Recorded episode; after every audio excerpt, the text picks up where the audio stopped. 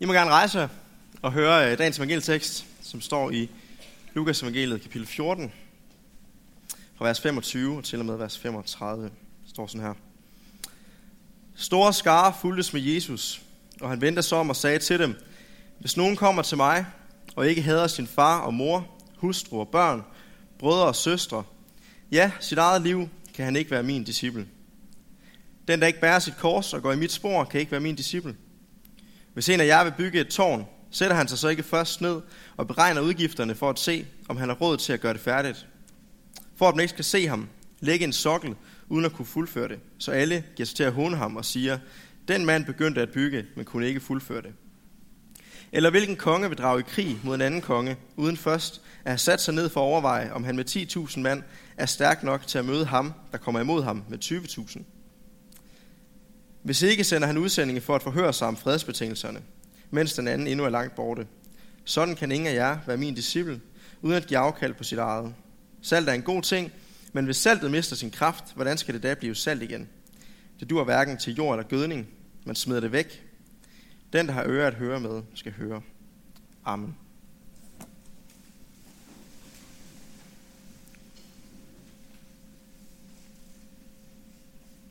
Jeg har lyst til lige at bede. Kære Jesus, jeg beder dig om, at øh, vi må høre dit ord til os nu. Jeg beder dig om, at vi, hver enkelt, som er kommet her i dag, må have åbne hjerter for dig.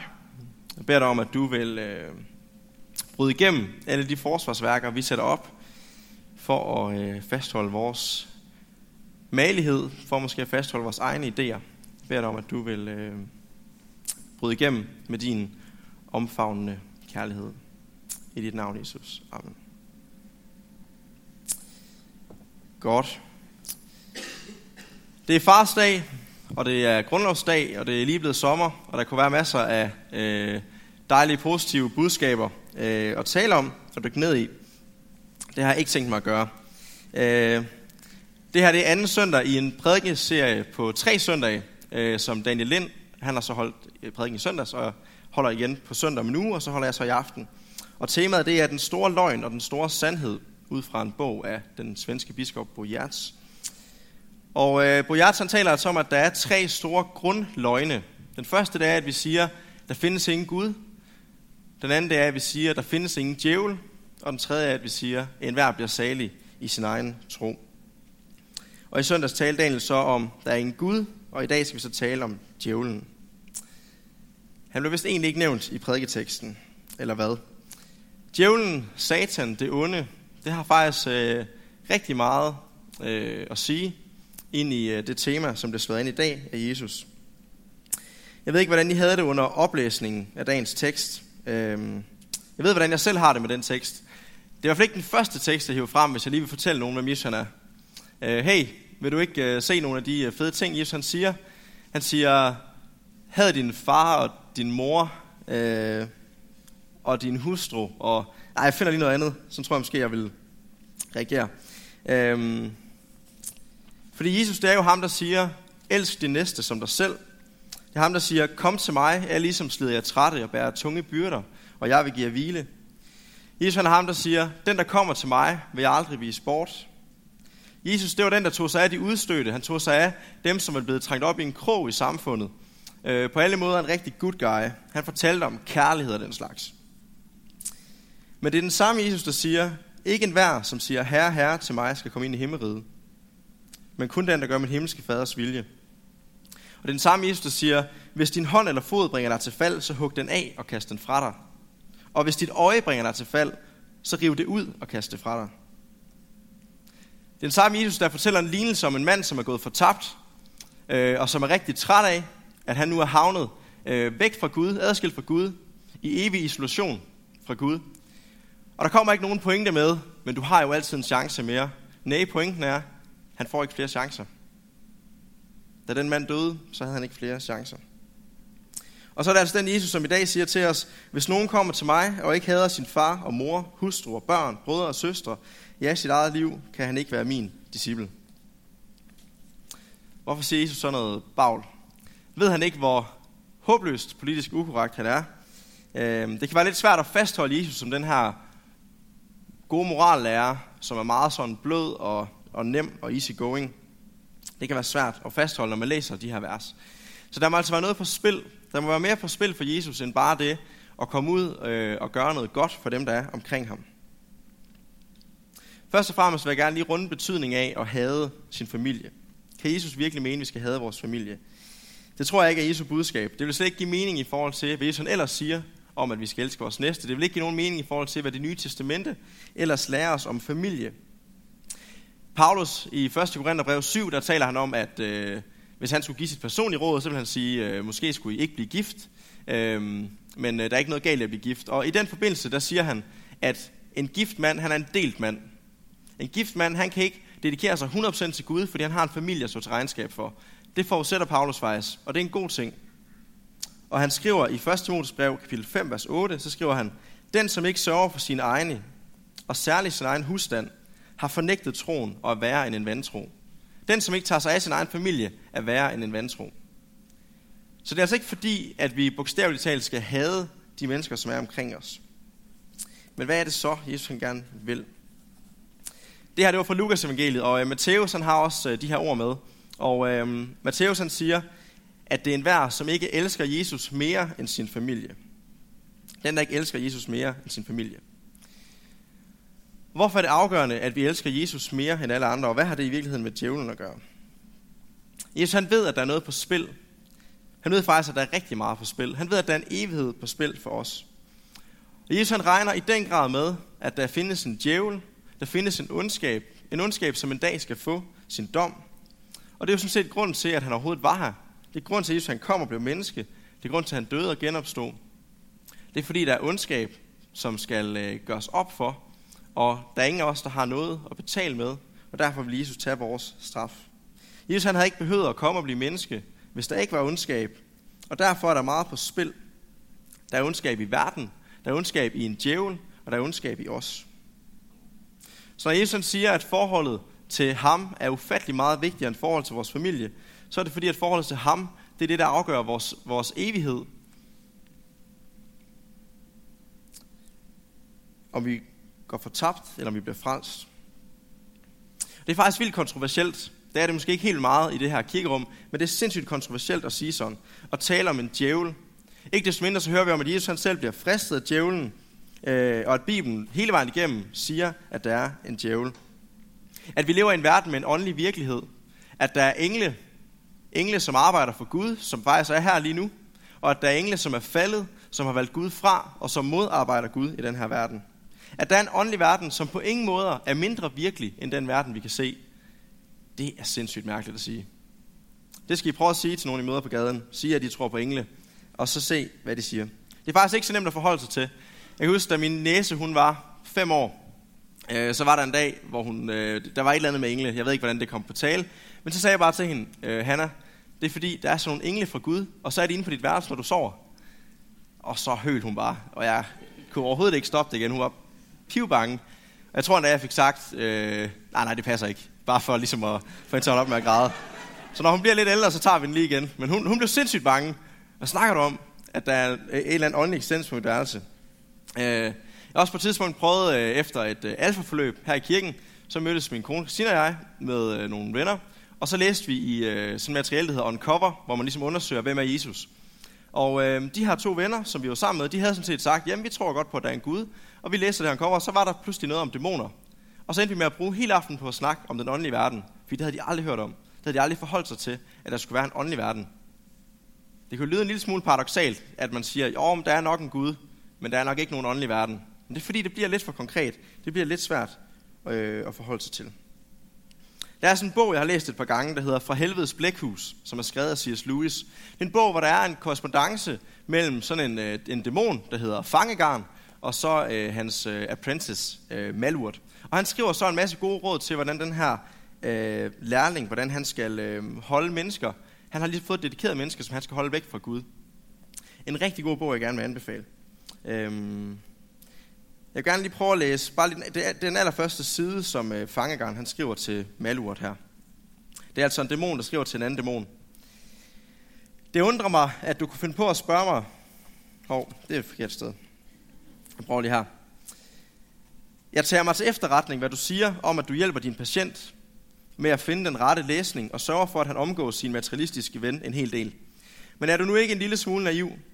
Det lyder som om, du mente, at diskussionen var den rette måde at forhindre ham i at komme i fjendens, altså Guds, klør på. Det kunne det have været, hvis han havde levet et par hundrede tidligere. Dengang vidste mennesker endnu helt god besked med, hvornår noget var bevist, og når det ikke var. Og hvis det var bevist, troede de virkelig på det. De mente endnu, at der var en forbindelse mellem tanke og handling, og var redde til at lægge deres liv om som følge af en række logiske resonemanger. Men ved hjælp af den kulørte presse og den slags våben, har vi fremkaldt en betydelig ændring i dette forhold. Den mand, du har med at gøre, har fra drang af været vant til at have et halvsnæs indbyrdes uforenelige filosofiske systemer til at snurre rundt i hovedet på sig. Han betragter ikke doktriner, altså læresætninger, som først og fremmest sande eller falske, men som aktuelle, akademiske, praktiske eller forældede, som konventionelle eller hjerteløse.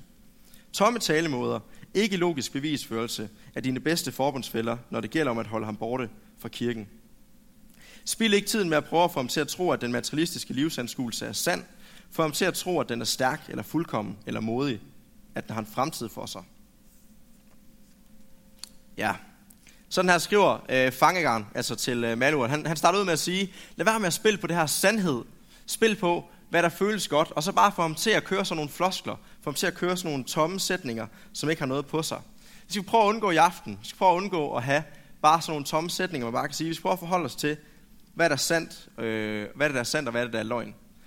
Sådan en tom øh, talemåde, man kunne have i sit hoved, det kan være, og det har jeg oplevet for rigtig mange mennesker, at man siger, man har dybest set sådan, ja, jeg tror faktisk på, at der findes en Gud. Og det er en Gud, som jeg selv definerer. Det er jo en filosofisk uforenelig tanke, at der skulle være en Gud, som har skabt alting, som står over alting, at der må, være, der må ligge et eller andet bag. Men alligevel så definerer jeg, hvem han er. Jeg definerer, hvad han mener og hvem han er. Det hænger ikke sammen. Men vi tror på en djævel, vi tror på en djævel i kristendommen. Vi nævner den i vores trosbekendelse. Er det bare fordi, det er en tradition? Vi beder også i fader hvor, fri os fra det onde, eller fri os fra den onde, kan det også oversættes. Skal vi holde fast i det? Er der overhovedet nogen, der tror på djævlen i dag? Øhm. I den her bog her, der, der går han meget ud af at fortælle sin lærling her, at han skal holde sig så skjult som muligt. Han skal sørge for, at mennesket ikke ved, at han findes, øh, fordi at materialismen, det er den bedste måde at holde mennesker fra Gud i dag. Jeg tror, at djævlen har rigtig meget at vinde ved at holde sig skjult for os, og leve i det skjulte. I ved, I, hvis der er, vi ser en actionfilm, så er det bedste, der kan ske for heltene, det er, at skurkene de tror, de er døde. Fordi så har de the element of surprise. Og så kan de, så kan de bare øh, pynse på en hel masse og lægge planer og grave en tunnel og skrabe penge sammen og alt det der, går. Fordi at der ikke er nogen, der holder øje med dem. Og pludselig en dag, så øh, dukker det op og siger, ha, jeg var her alligevel. Og desværre må jeg jo sige til alle dem, som ikke tror på en, en faktuel djævel, at jeg tror, at han en dag vil komme og sige, ha, jeg var her, og jeg ødelagde dit liv, jeg ødelagde dit forhold til Gud. Og derfor tror jeg, det er vigtigt, at vi i tale sætter det, at det er en stor løgn, der findes ikke nogen djævel, og at hvor rigtig mange i dag godt kan sige, om der findes nok en Gud, der må næsten være et eller andet bag, så er der rigtig mange af dem, som ikke vil gå så langt som at sige, der er også noget ondt, der er også en ondskab. Der er ingen, der tør tale om ondskab i dag. Hverken personlig som i en djævelsk ondskab eller en upersonlig ondskab. Prøv at ikke mærke til det, hver gang der sker et eller andet katastrofalt. Med Anders Breivik, det første man talte om med ham, det var, han måtte jo være psykisk syg. Han måtte jo fejle et eller andet. Og det blev han faktisk farvet over. Han sagde, jeg fejler ikke noget. Jeg var ved min fulde fem. Jeg står inden for det, jeg gjorde. Eller ham attentatmanden i København. Jeg sad altså TV2 News den dag øh, med det her attentat. Og der sad de og snakkede om, at vi skal finde ud af, hvad hans diagnose er. Han må have en eller anden diagnose. Han kan da ikke bare have gjort noget ondt. Men har man først afskaffet djævlen, har man først afskaffet helvede, så er der ikke langt til, at man afskaffer ondskab i det hele taget, og at man slet ikke kan tale om det. Der er også mange, der har foreslået, at folkekirken skal droppe alt tale om djævlen. Der er ingen grund til at snakke om helvede og om djævlen, fordi det er ikke så tidsaktuelt. Det er ikke rigtig noget, folk de gider at høre om. Og nu læste jeg lige, at der er også en, der har foreslået, at vi skal droppe vores trosbekendelse, fordi det er ikke så vigtigt, hvad det sådan helt nøjagtigt er, vi tror på. Bare vi ligesom kan mødes og blive enige om at tro på et eller andet. Øhm. Men kristendommen er ikke hvad som helst. Kristendommen er ikke hvad som helst, jeg gerne vil have den til at være. Jeg kan ikke bare plukke noget ud af Bibelen, som jeg godt kan lide, og lade noget blive, som jeg ikke kan lide. Det gør faktisk også Bibelen fuldstændig meningsløs. Søren Kierkegaard, han siger, ja, smart at bruge Søren Kierkegaard, øh, til at underbygge sine pointer. Han, han, han siger, der er sagt meget besynderligt, meget beklageligt, meget oprørende om kristendommen, men det dummeste, der nogensinde er sagt, er, at den er til en vis grad sand. Vi kan ikke sige om kristendommen, den er til en vis grad sand. Det Jesus han stod for, det giver ingen mening, hvis vi piller ondskab ud. Øhm, det, det giver ingen mening, hvis vi piller alle mulige, alle mulige elementer ud. Hver gang vi bruger ordet amen i en øh, gudstjeneste, eller hvor vi nu bruger det, når vi siger amen, så siger vi sandligt, eller det står fast. Så siger vi ligesom, det tror vi på, det står fast. Og det er faktisk vigtigt, at vi gør det. For det er ikke konsensus, der definerer, hvad kristendom er. Det er ikke konsensus her imellem os, der ligesom afgør, hvordan Gud han er. Lad os afskaffe djævlen. Okay, jamen, så lad os også afskaffe Svedlugt og Paradise Hotel og mandag. Øhm, bare det, at vi bliver enige om, at noget ikke eksisterer, det gør jo ikke så meget ved, om det reelt eksisterer eller ej. Det er jo lidt arrogant at tænke, at hvis vi bare bliver enige om, der er nok ikke nogen djævel, så er han der nok ikke. Øhm, det er i hvert fald også øh, paradoxalt. Hvis djævlen er der, så er han der. Man har også prøvet at afskaffe djævlen tidligere. Der var en tid, hvor man sagde, i Europa især, se alt det, kulturen har frembragt. Se alt det, vi kan. Lad os have et positivt syn på mennesker. Et positivt syn på vores muligheder. Uden religion, uden dogmer, uden absolute sandheder, uden alt det der pjat, så skal det hele nok gå rigtig godt. Der er ikke noget ondt andet end religion i sig selv. Sådan sagde man i 1911, nævner Boyards i sin bog der, Den store løgn og den store sandhed. Og i 1914, så kom Første Verdenskrig, og det krakelerede fuldstændig, og alle folk var i chok over, hvordan kunne det lade sig gøre i en verden drevet af fornuft? Hvordan kunne det så komme så vidt? Og der er kristendom super realistisk, for kristendom siger, der er ondskab. Jeg vil gerne fortælle jer, hvordan ondskaben er kommet ind i verden. Det kan jeg ikke. Pludselig er der en slange. Løgneren, bedrageren, bagtaleren, anklageren. Han er der, og han er en virkelighed gennem hele Bibelen. Han er en virkelighed i, i den kristne livsforståelse. At han er her, og han prøver at ødelægge vores forhold til Gud. Han vil anklage os over for Gud. Han vil ikke have, at vi har med Gud at gøre. Det synes jeg giver mening. Jeg synes, det giver mening, at der er en ondskab. Jeg synes, det er svært at fastholde, at der ikke er en ondskab. Og den ondskab vil Gud gøre op med en dag. Der er en dag, Gud han vil kræve regnskab. Gud han vil ikke lade ondskaben gå udstraffet. Desværre så er Bibelen lige så tydelig, når det kommer til at sige, at der er ondskab i os. At vi har gjort noget forkert. Det er også noget, man protesterer kraftigt imod. Det kan man fx se med Anders Breivik eller mange andre. Men over, overalt hvor ondskab, hvor man prøver at forklare det, så prøver man at bortforklare det. Øh, Frederik Enevoldsen, som også kommer her i kirken, han fortalte mig, at han havde på et tidspunkt været på sådan en kursus for lærere, øh, hvor, de, hvor, de, hvor underviseren hun sagde til dem, at øh, børn de gør jo altid det, de mener er rigtigt. Altså de vil altid gøre det gode, så hvis de gør noget træls, så er det af god vilje. Og det sad de bare ligesom og hørte, og Frederik han blev nødt til ligesom at protestere og sige, øh, undskyld mig, det er da ikke rigtigt. Øh, men det, det underviser hun sådan helt seriøst i, jamen man gør jo altid det, man synes er rigtigt. Man gør jo aldrig noget egoistisk eller ligesom forkert. Nu ved jeg jo ikke, hvem du er, men jeg ved med mig selv, at jeg vil have svært ved at sige, at jeg ikke gør ting bevidst forkert. Selvfølgelig gør jeg det. Men vi bortforklarer, og vi gemmer væk, og vi lader være med at i de ting, vi gør forkert. Men ligesom med djævlen, så ændrer det ikke på, om det er der, at vi lader være med at tale om det. Og det er faktisk alvor. Det er derfor, Jesus han er så benhård i dagens tekst. Det er fordi, det er alvor. Der er ikke noget kompromis hos Jesus. Der er ikke noget kompromis at spore. Mange gange i dag, også fordi vi lever i en tid, hvor man ikke vil øh, fastholde de store sandheder, så vil folk rigtig gerne gå på kompromis. Prøv at lægge mærke til det, når I, hvis I taler med nogen øh, på jeres arbejde eller studie, eller et eller andet sted, hvor I taler om noget, som potentielt kunne give en konflikt. Rigtig mange, de vil bare søge, og, at de skal være enige. Man kan ligesom altid finde et fælles ståsted. Men Jesus, han giver ikke mulighed for kompromis i dagens tekst. En dag, jeg var på arbejde, jeg har arbejdet for NemID, øh, ja, og øh, så sad jeg en dag og spiste frokost med mine NemID-kollegaer, og så pludselig så er der en, vi sidder som 12 mennesker ved et bord, og så er der en, der siger, Nå, det er lige noget for dig, Søren. Og så er det så, fordi de sidder og snakker om religion. Og så, øh, så er der en, der siger, Nå ja, det, det er rigtigt, du er kristen og sådan noget. Så siger Morten her, som bare, han er så rar, Morten, så siger han til mig, øh, jeg synes, at det er helt vildt fedt, du er kristen. Så længe du ikke synes, at andre skal være kristne. Ja, okay. Øh, ja, Morten, ved du hvad, der er faktisk nogle gange, jeg beder for jer, fordi jeg faktisk håber, at de bliver kristne. Nå, men det er også i orden, men bare, altså, så længe du ikke sådan siger, altså så længe du ikke sådan, øh, missionerer med det, så længe du kan fortælle andre om det, så længe du gør det til noget privat. Ja, Morten, jeg, jeg kan faktisk, nogle gange så har jeg faktisk været ude på gaden og delt kaffe ud, simpelthen for, for at fortælle mennesker om Jesus, fordi jeg faktisk mener, at det er så afgørende vigtigt. Fordi jeg mener, at det er sandt. Okay, siger han så. Jamen, det, det synes jeg faktisk også er fedt nok. Men altså, så længe du ikke siger, at det er den eneste sandhed, så længe du ikke siger, at det er det eneste rigtige, så længe du ikke for eksempel siger, at muslimer ikke, ikke kan have ret. Ja. Og så, vi, vi, vi fandt aldrig hinanden, og det var virkelig meget sympatisk af ham. Han prøvede virkelig at gøre det til en hyggelig frokost, øh, og jeg blev ved med bare at ødelægge det for ham. Men vi kunne ikke blive enige. Vi kunne ikke blive enige, fordi at jeg har ikke bare taget et eller andet tankesystem ind over mit liv, som så kan jeg lige gradbøje det, og så kan vi lige finde fælles ståsted. Nej, jeg tror på, at der er noget, der er sandt, og der er noget, som er løgn. Og det kan være rigtig svært for mennesker at forstå. Og derfor kan man blive skældt ud, hvis man vil holde fast i et eller andet. Kirken bliver tit skældt ud, og den kirkelige højrefløj bliver tit skældt ud, fordi hvorfor kan I ikke bare give jer? Hvorfor skal I have sådan nogle perfide holdninger? Jeg har ofte hørt sådan, slap nu af, Søren. Lad nu være med at gå så meget op i den tro der.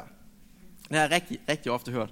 Jeg har en tatovering her på mit arm, hvor der står, at øh, for mig, så det at leve, det handler om Kristus, og når jeg dør, så bliver det en sejr, så bliver det en gevinst for mig. Og en dag jeg er i bad øh, med min idrætslærer, og nogle andre, altså efter idrætsteam, så, øh, så ser han den her tatovering, og så spørger han ind til den, og han er helt ud af den. Og så senere på den dag, så havde jeg så et aftalt møde hos min studievejleder, øh, og øh, så kommer han ind, og så, øh, så sidder vi og snakker, og så siger han, prøv lige at se Sørens arm. Og så skal hun se den, og så sidder vi seriøst og har en snak os tre omkring, om jeg er selvmordstroet. Fordi der står på min arm, at døden er en vinding. Og jeg prøver at forklare dem, at det er fordi, jeg tror, der er noget, der er sandt. Jeg tror, der er et efterliv, og de kan slet ikke forstå det. De synes, at jeg er så langt ude. Og der var flere af mine lærere på gymnasiet, som sådan direkte opfordrer mig til, du skal altså ikke gå så meget op i det der med tro. Slå dig nu lidt løs. Slap nu lidt af. Meget, meget mærkeligt. Men det kan jeg ikke. Jeg kan ikke bare slappe af, fordi jeg tror på, at det er oprigtigt og sandt. Jeg tror enten så er Jesus en fiktiv person, Bibelen er det pure opspind, og så kan det jo være det samme, så er jeg sådan set ligeglad. Eller også så er Jesus en ægte person, som lever i dag, som levede på den her jord, og som rent faktisk var nødt til at dø, fordi at jeg har gjort forkerte ting. Som var nødt til at dø, fordi ellers så var jeg nødt til at dø. Som var nødt til at dø på et kors for min skyld. Og hvis det er sandt, så kan jeg ikke bare sige, Nå okay, men det går jeg ikke så meget op i. Så kan jeg ikke bare lade være med at fortælle om det. Så kan jeg ikke bare lade være med øh, at sætte mit liv ind på det. Så kan jeg ikke lade være med at modsige dem, der lyver om Gud. For det er jo faktisk vigtigt. Når vi ser i Bibelen, så bliver Jesus altid enten troet eller forkastet. Det ender altid med ultimativt til de mennesker, som følger ham. De vil enten tro på ham, eller de vil forkaste ham. De vil ikke have noget med ham at gøre. Der er sådan en øh, god vestjysk øh, prædikant, der hedder Tue Thomsen, som vi altid har hørt meget, der jeg kommer fra. Og han har sådan en sætning, han, som han tit siger. Han siger, du kan bare gå forbi Golgata og sige hej. Og det har han bare så ret i. Du kan ikke bare gå forbi Golgata og så sige hej, og så leve dit liv, som intet var hent. Du er nødt til at tage stilling til det. Golgata kræver, at du tager stilling. At Jesus hænger der på korset, det kræver, at du tager stilling. Og siger, enten vil jeg tro det, eller også vil jeg ikke tro det. Det er derfor, Jesus siger, at der er ingen, der må få dig til at kunne opgive troen. Og der er en, der rigtig gerne vil have dig til at opgive troen, og det er Satan. Når vi ser øh, indledningen, det er, de allerførste ord i det her øh, dagens tekststykke, det er, store skare fulgtes, fulgtes med Jesus. Så tror jeg også, der i dag, store skare følges med Jesus. Men rigtig mange af dem følger ham på den måde, at de forholder sig ikke til, hvad han egentlig siger. De, han er ikke herre i deres liv. Og Jesus siger faktisk, du kan ikke have to herrer i dit liv. Jesus siger, du kan enten have satan, materialismen, dig selv. Du kan have sådan nogle ting som herre i dit liv, eller du kan have mig som herre i dit liv. Og det er også derfor, at det ender med i evangelierne, at der ikke er store skare, der følges med Jesus, fordi de vil ikke have ham som herre i deres liv. Så kan det godt være, at folk synes, at vi går for meget op i det, og at folk synes, at vi skal lade være med at tale om den slags. Øhm, men det er jo klart nok, hvis du tror på, at der ikke er noget egentlig, der er rigtig sandt, så kan det jo være lidt lige meget, hvad de andre går og mener, der er sandt. Men hvis nu, nu jeg skal snart være far, og snart så kommer alle mine referencer til at handle om det, så jeg går bare i gang nu. Og lad os nu sige, at øh, jeg kommer til at bo i den her lille provinsby, og med en lille søn på 3-4 år, han står og snakker med en eller anden mand ude på gaden, og den her mand han siger til ham, du kan bare lege på gaden alt, alt det du vil, det er slet ikke farligt. Så skulle jeg så bare gå ud til manden og sige, øh, okay, jamen øh, det er fint, at du mener det. Så siger jeg til min søn, øh, du må ikke lege på vejen, det dør du af en dag, fordi så bliver du kørt ned. Selvfølgelig vil jeg da bide hovedet af den her mand og sige, så skal du ikke lyve, fordi det er dødsens farligt, det du lærer, min søn. Og så er det faktisk også i dag, det som folk vil sige til mig, og det som folk vil sige til mine kollegaer og til mine venner og dem jeg holder af, at lad nu være med at gå op i det, lad nu være med at tro på det, det er ikke så vigtigt, det er dødsens farligt, og derfor så er jeg nødt til at modsige det. Derfor er jeg faktisk nødt til at stå det imod. I den tekst, som Kurt, Kurt han læste op, der siger Jesus, giv du var enten kold eller varm. Giv du var enten kold eller varm. Jeg kan ikke have to herrer. Jesus siger ikke, du må ikke have to herrer. Han siger, du kan ikke have to herrer. Ikke lad sig gøre. Hvis dit hjerte er delt, så har du allerede valgt side. Hvis jeg står på, på en bred og på et skib, og skibet begynder at sejle, så vil jeg på et eller andet tidspunkt falde i vandet. Og øh, det kan ikke lade sig gøre at have et ben i begge lejre. Sådan siger Jesus. Så der er altså en djævel, der er en ondskab, der er også en ondskab i mig. Hvad gør jeg så ved det? Ja, Jesus siger at jeg skal elske ham mere, end jeg elsker alt andet. Jeg læste en artikel for nylig, hvor der var en, der skrev om, at øh, det er ikke så afgørende vigtigt, at der ikke er så mange, der vil lade deres børn døbe længere, fordi at kirken er jo kun for dem, der tror på Gud. Og jeg tænkte, ja, ja, det er rigtigt og sådan noget. Og så pludselig når jeg til sætningen, en kristen kirke er til for dem, der elsker troen på Gud, højere end deres eget liv. Altså, så er helt okay, er der så efterhånden plads til mig? Øhm, ja. Aldrig vil jeg forlade dig, Jesus. Om så alle andre svigter, så gør jeg det ikke. Om så jeg skal dø sammen med dig, vil jeg aldrig fornægte dig. Sådan sagde Peter, så sagde disciplen Peter til Jesus. Samme nat fornægter Peter Jesus tre gange. Samme nat. Han vil ikke kende ved Jesus af frygt for sit eget liv. Hvor må Peter have været skuffet over sig selv? Hvor må han have haft lyst til aldrig mere at se Jesus i øjnene? Og der er en meget rørende beslutning, øh, beretning i slutningen af Johannes evangeliet, øh, hvor Jesus han spørger Peter, Peter, elsker du mig? Peter siger, ja det gør jeg. Han spørger igen, elsker du mig? Ja det gør jeg. Så spørger Jesus tredje gang, Peter, elsker du mig? Og så står der, at Peter blev meget bedrøvet. Og det er fordi Peter nu gik det op for ham, hvad det var, Jesus han, han, han ligesom henviste til. Han henviste til de her tre fornægtelser. Meget rørende. For Jesus han sender ham ikke væk, men han tager ham til sig. Hvor ofte må jeg ikke have det som Peter? Når vi ser i øjnene, at vi har ondskab i os, når vi ser i øjnene, at der er noget ondt i os, noget vi har brug for at blive tilgivet for, så skal det ikke få os til at løbe væk fra Gud, men det skal få os til at løbe i armene på ham. Umiddelbart efter den her, det her stykke, vi lige har læst fra Lukas evangeliet, der får vi historien om den fortabte søn. En søn, som har gjort alt tænkeligt forkert.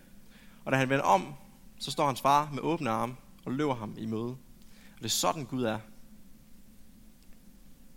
Jesus han siger til den her menighed i Laodikea, Se, jeg står ved døren og banker på. Hører nogen mig og åbner døren, vil jeg gå ind til ham og holde måltid med ham og han med mig.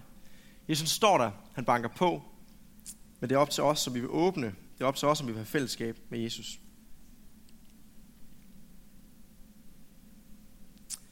Djævlen han vil gerne undgå, at det sker. Og han siger til os, som han sagde til Eva, har Gud nu virkelig sagt? Mener Gud det nu virkelig sådan? Jeg vil gerne igen anbefale at læse den her bog, og jeg vil gerne øh, endnu kraftigere anbefale at læse den her bog, øh, som hedder Bibelen. Fordi det er et værn. Det er et værn mod det satan, han siger til os. Det er et værn mod den løgn, som han siger ind i vores liv. For der er en djævel, og han vil os alt ondt, men der er også en Jesus, som har sejret over djævlen, og som er langt stærkere end ham. Og svaret på ondskaben, det er Jesus. Og øh, jeg læste, øh, nej det jeg læste ikke, jeg så i dag sådan en lille klip med Muhammad Ali, som lige er død, hvor han fortæller, der er en dreng, der spørger ham, hvad vil du gøre, når du er færdig med at bokse? Så siger han, når jeg er færdig med at bokse, så vil jeg bruge de næste 30 år på at gøre mig klar til at møde min skaber. Og han er muslim. Og det vil sige, at noget af det, han påtaler, det er, jeg er nødt til at gøre en masse godt, for jeg har gjort en masse skidt. Jeg er nødt til at håbe, at jeg kan nå at nå barn, så jeg kan få lov til at komme hjem til Gud, det som han har skabt mig til. Og han siger, at livet her på jorden, det er en lang test for at se, om vi er gode nok til at være sammen med Gud. Ingen garantier. Det er en test. Det er ikke det, vi tror på. Vi tror på Gud, som har skabt os. Selve grund til, at vi er her nu, det er, fordi han ønsker at have fællesskab med os. Og ondskaben er kommet ind i verden, og derfor så er han kommet og blevet menneske og død er opstået for os. Og så længe du vil leve med og betro dig til, hvad du selv kan præstere, så vil jeg bare sige, prøv lige at overveje, om, du, om det er godt nok, det som du selv kan. Og så øh, midt i den her verden, hvor vi altid vil gøre ondt, dagligt omvender, dagligt bede Jesus om tilgivelse. Øh, det er det, som han beder os om.